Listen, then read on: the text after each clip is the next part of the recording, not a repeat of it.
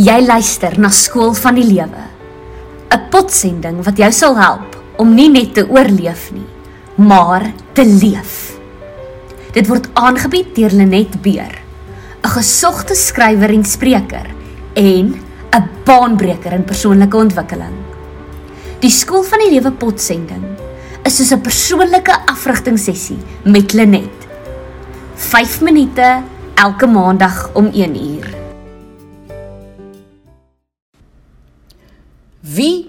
Of wat is in beheer van jou reaksies? Ons hou nie daarvan om kwesbaar of weerloos te voel nie. Dit maak ons ongemaklik en laat ons uit beheer uitvoel. Ons ontken daarom ons kwesbaarheid, maar vergeet dat natuurlike emosies hulle nie laat onderdruk nie. En ongelukkig reageer ons emosionele brein lank voor ons rasionele brein. Dis wanneer ons dinge sê of doen waaroor ons later bitter spyt gaan wees. Nou hoe weet jy dat jou emosies jou gepoetjie het? Jy verloor perspektief en ooreageer. Jy raak beangs of kwaad en verander skielik in 'n ander mens, soms selfs in 'n monster.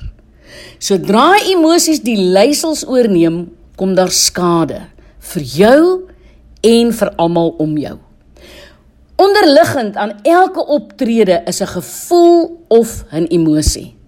Die basis van elke gevoel is 'n behoefte waarvan jy dikwels nie eens bewus is nie.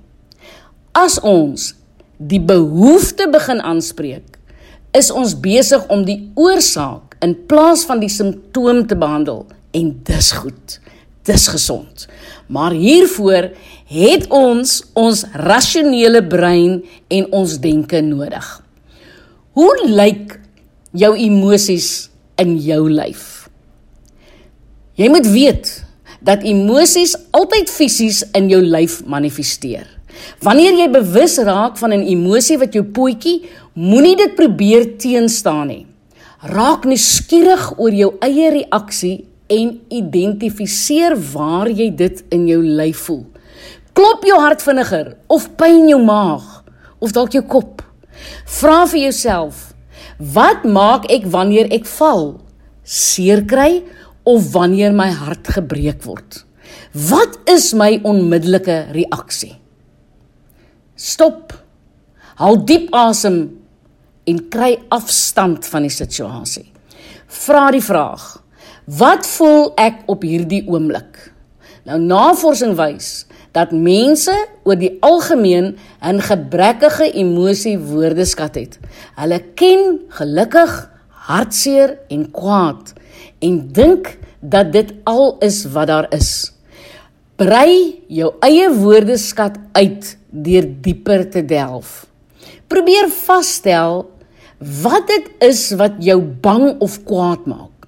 Maar eers of liewers maak eers dan nou 'n aantekening van hierdie fisiese reaksie sodat jy dit in die toekoms betyds kan raak sien vir wat dit is. 'n Emosie wat daarop uit is om jou uit beheer te gooi. Wie is jou grootste kritikus? Jouself. Jouself is dikwels jou eie grootste kritikus en beoordelaar. Ons stel onrealistiese ideale vir onsself en kastei onsself na elke fout of mislukking. Erken wanneer jy 'n fout gemaak het, maar praat met jouself soos met iemand vir wie jy lief is en beweeg aan. Ons kan nie keer dat ons emosies voel nie. Dis immers wat van ons gewone normale mense maak. Maar ons kan werk maak van ons emosies en keer dat hulle ons lewens oorneem. Die eerste stap is om te besluit om die leiersels terug te neem en om jou eie innerlike konflik te konfronteer. Aanvaar jou eie kwesbaarheid en erken veral jou gevoelens van magteloosheid en onvermoë. Word stil voor God en vra hom om vir jou perspektief en kalmte te gee en jou deur die uitdaging te help. Hoeveel kragtig is jy? Hm? Waarom kan sekere mense stres en trauma beter hanteer as ander? Ek glo dit het te maak met veerkragtigheid. die vermoë om swaar kry te oorkom. Ons dink so maklik dat iets wat hard is ook sterk sal wees. Maar wanneer 'n glas op die vloer val, breek dit. Wanneer 'n plastiek of rubberding val, gee hy mee en kom niks oor nie. Dis die idee van veerkragtigheid. Navorsers het bevind dat veerkragtige mense die volgende eienskappe het. Hulle dink uit die boks uit en het goeie probleemoplossingsvaardighede aangeleer. Hulle werk aan 'n ondersteuningsnetwerk en doen moeite met hulle verhoudings met vriende en familie. Hulle is nie te trots om hulp te vra nie. Hulle is in voeling met hulle emosies en probeer dit nie te onderdruk nie.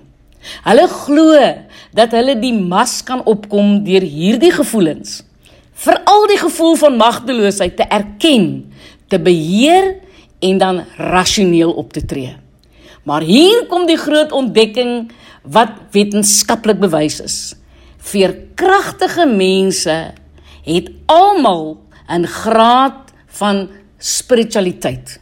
Vir baie is dit hulle geloof in God, maar vir ander is dit 'n besef dat daar 'n groter mag is wat ons lewens beheer dat ons almal op een of ander manier aan mekaar verbind is deur 'n band van liefde en empatie.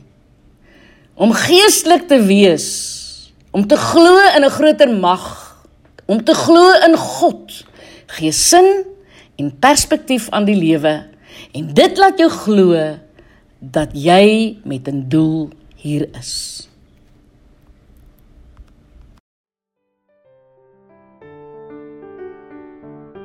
Dankie dat jy geluister het na Skool van die Lewe.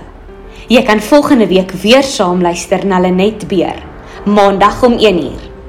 Om e-poskennisgewings van die Skool van die Lewe potsending te ontvang, klik op voelgoed.co.za. Skynstreep Skool van die Lewe.